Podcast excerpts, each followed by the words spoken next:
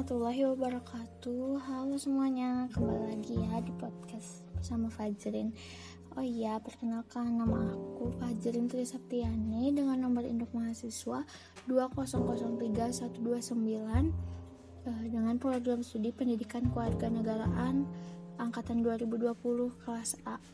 Di sini saya akan menjelaskan perihal antropologi.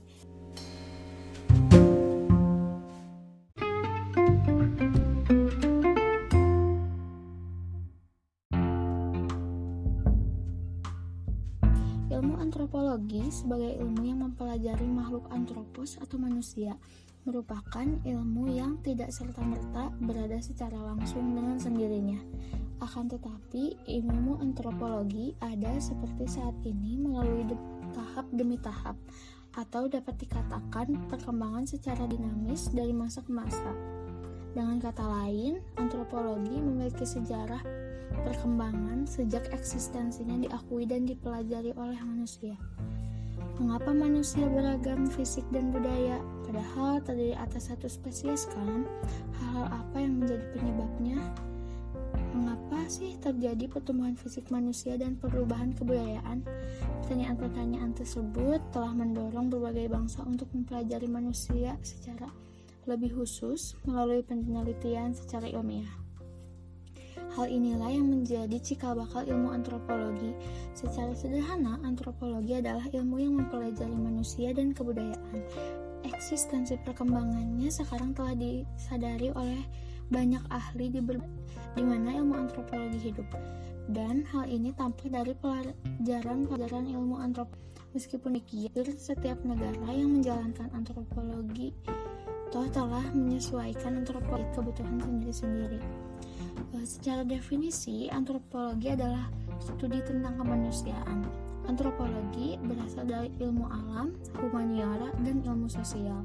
Istilah antropologi diucapkan berasal dari bahasa Yunani. Uh, antropos yaitu manusia dan wacana atau studi dan pertama kali digunakan oleh Francois Peron saat mendiskusikan pertemuannya dengan suku aborigin Tasmania. Perhatian dasar antropologi adalah apa yang mendefinisikan Homo sapiens yang merupakan nenek moyang modern Homo sapiens. Apa jadi fisik manusia? Bagaimana manusia berlaku? Mengapa variasi dan perbedaan di antara berbagai kelompok manusia? Bagaimana masa lalu evolusi Homo sapiens mempengaruhi organisasi sosial dan budayanya? dan pertanyaan-pertanyaan seterusnya. Secara gambaran, antropologi secara tradisional dibagi menjadi empat sub bidang, masing-masing dengan cabang lebih lanjut. Antropologi biologis atau fisik, antropologi sosial atau antropologi budaya, arkeologi dan linguistik antropologi.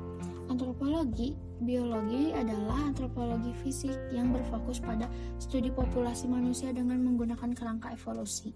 Antropologi budaya juga disebut sebagai antropologi sosial budaya atau antropologi sosial, khususnya di Inggris Raya.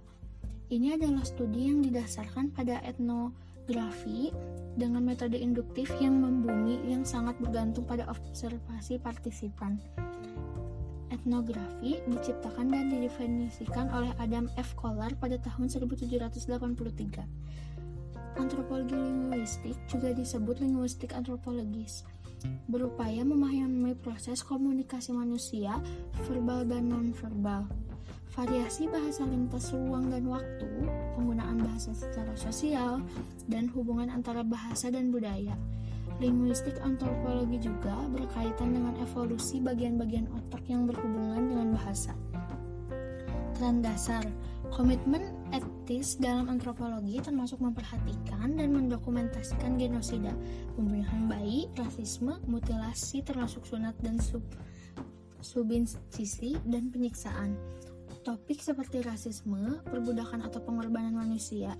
Oleh karena itu, menarik perhatian antropologis dan teori mulai dari kekurangan nutrisi hingga gen hingga akulturasi telah diusulkan. Belum lagi teori kolonialisme dan banyak lainnya sebagai akar penyebab ketidakmanusiawian manusia terhadap manusia. Untuk mengilustrasikan kedalaman pendekatan antropologis, seseorang dapat mengambil salah satu dari topik ini, seperti rasisme, dan menemukan ribuan referensi antropologis membentang di semua subbidang utama dan subbidang kecil. Sejarahnya, penggunaan pertama dari istilah antropologi ini dalam bahasa Inggris untuk merujuk pada ilmu alam manusia. Nampaknya pada tahun 1593 yang pertama dari logika yang diciptakan. Tabel Sejarah Alam 1728 di ensiklopedia secara kelembagaan antropologi muncul dari perkembangan sejarah alam diuraikan oleh penulis seperti Buffon yang terjadi selama penjajahan Eropa pada abad ke-17, 18, 19, dan 20. Program studi etnografi dimulai pada era ini sebagai studi tentang manusia primitif yang diawasi oleh administrasi kolonial. Sekarang, pada abad ke-20, disiplin akademis sering kali secara institusional dibagi menjadi tiga domain besar. Alam dan biologi sains berusaha untuk mendapatkan hukum umum melalui eksperimen yang dapat diproduksi dan diverifikasi. Pasca Perang Dunia Kedua, yaitu tahun 1950-an dan pertengahan 1960-an, antropologi cenderung semakin mencontoh dirinya sendiri setelah ilmu alam. Strukturalisme juga mempengaruhi sejumlah perkembangan pada tahun 1960-an dan 1970-an, termasuk antropologi kognitif dan analisis komposisial. Pada akhir 1980-an dan 1990-an, penulis seperti George Marcus dan James Chelford merenungkan otoritas etnografis, terutama bagaimana dan mengapa pengetahuan antropologis dimungkinkan dan berwibawa. Eh, kontroversi tentang sejarahnya para antropolog seperti peneliti lain, terutama sejarawan dan ilmuwan yang terlibat dalam penelitian lapangan ini, dari waktu ke waktu telah membantu kebijakan dan proyek negara, terutama kolonialisme.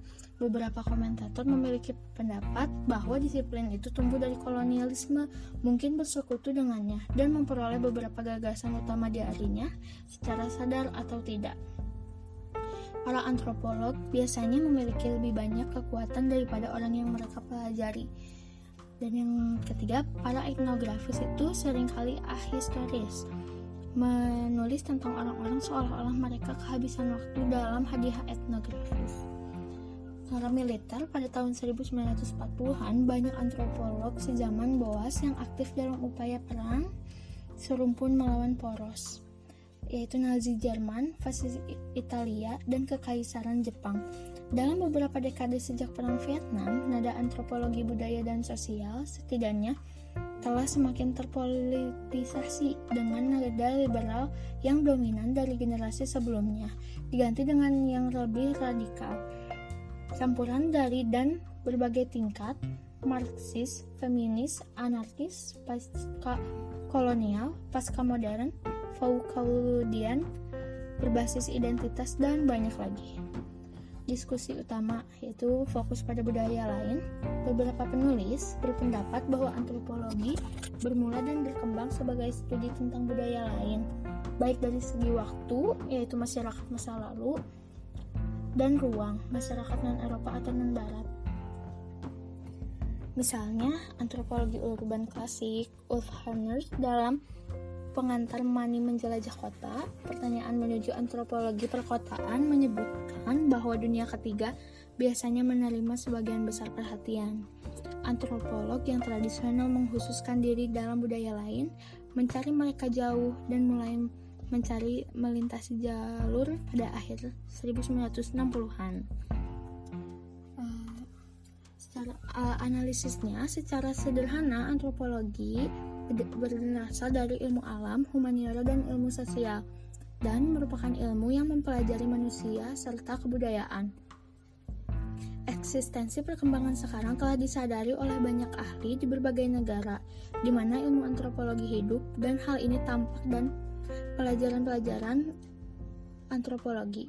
Meskipun demikian, hampir setiap negara yang menjalankan antropologi dan menyesuaikan antropologi itu dengan ideologi dan kebutuhan sendiri-sendiri Topik seperti rasisme, perbudakan atau pengorbanan manusia menarik perhatian bagi antropologis dan teori tentang kekurangan nutrisi gen hingga akulturasi telah diusulkan. Belum lagi teori kolonialisme dan banyak lainnya sebagai akar penyebab ketidakmanusiawian manusia terhadap manusia. Untuk mengilustrasikan kedalaman pendekatan antropologis, seseorang dapat mengambil salah satu dari topik ini, seperti rasisme dan menemukan ribuan referensi antropologis membentang di semua sub bidang utama dan kecil. Beberapa antropolog seperti Lloyd Fallers dan Tilford Gertz berfokus pada proses modernisasi di, di mana negara-negara yang baru merdeka dapat berkembang. Strukturalisme juga mempengaruhi sejumlah perkembangan pada tahun 1960-an dan 1970-an termasuk antropologi kognitif dan analisis konvensional. Pada akhir 1980-an dan 1900-an, penulis seperti George Marcus dan James Tilford merenungkan otoritas etnografis, terutama bagaimana dan mengapa pengetahuan antropologis dimungkinkan dan berwibawa.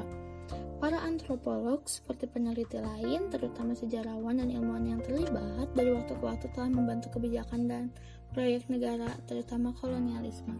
Dengan kata lain, antropologi memiliki sejarah perkembangan eksistensinya diakui dan dipelajari oleh manusia.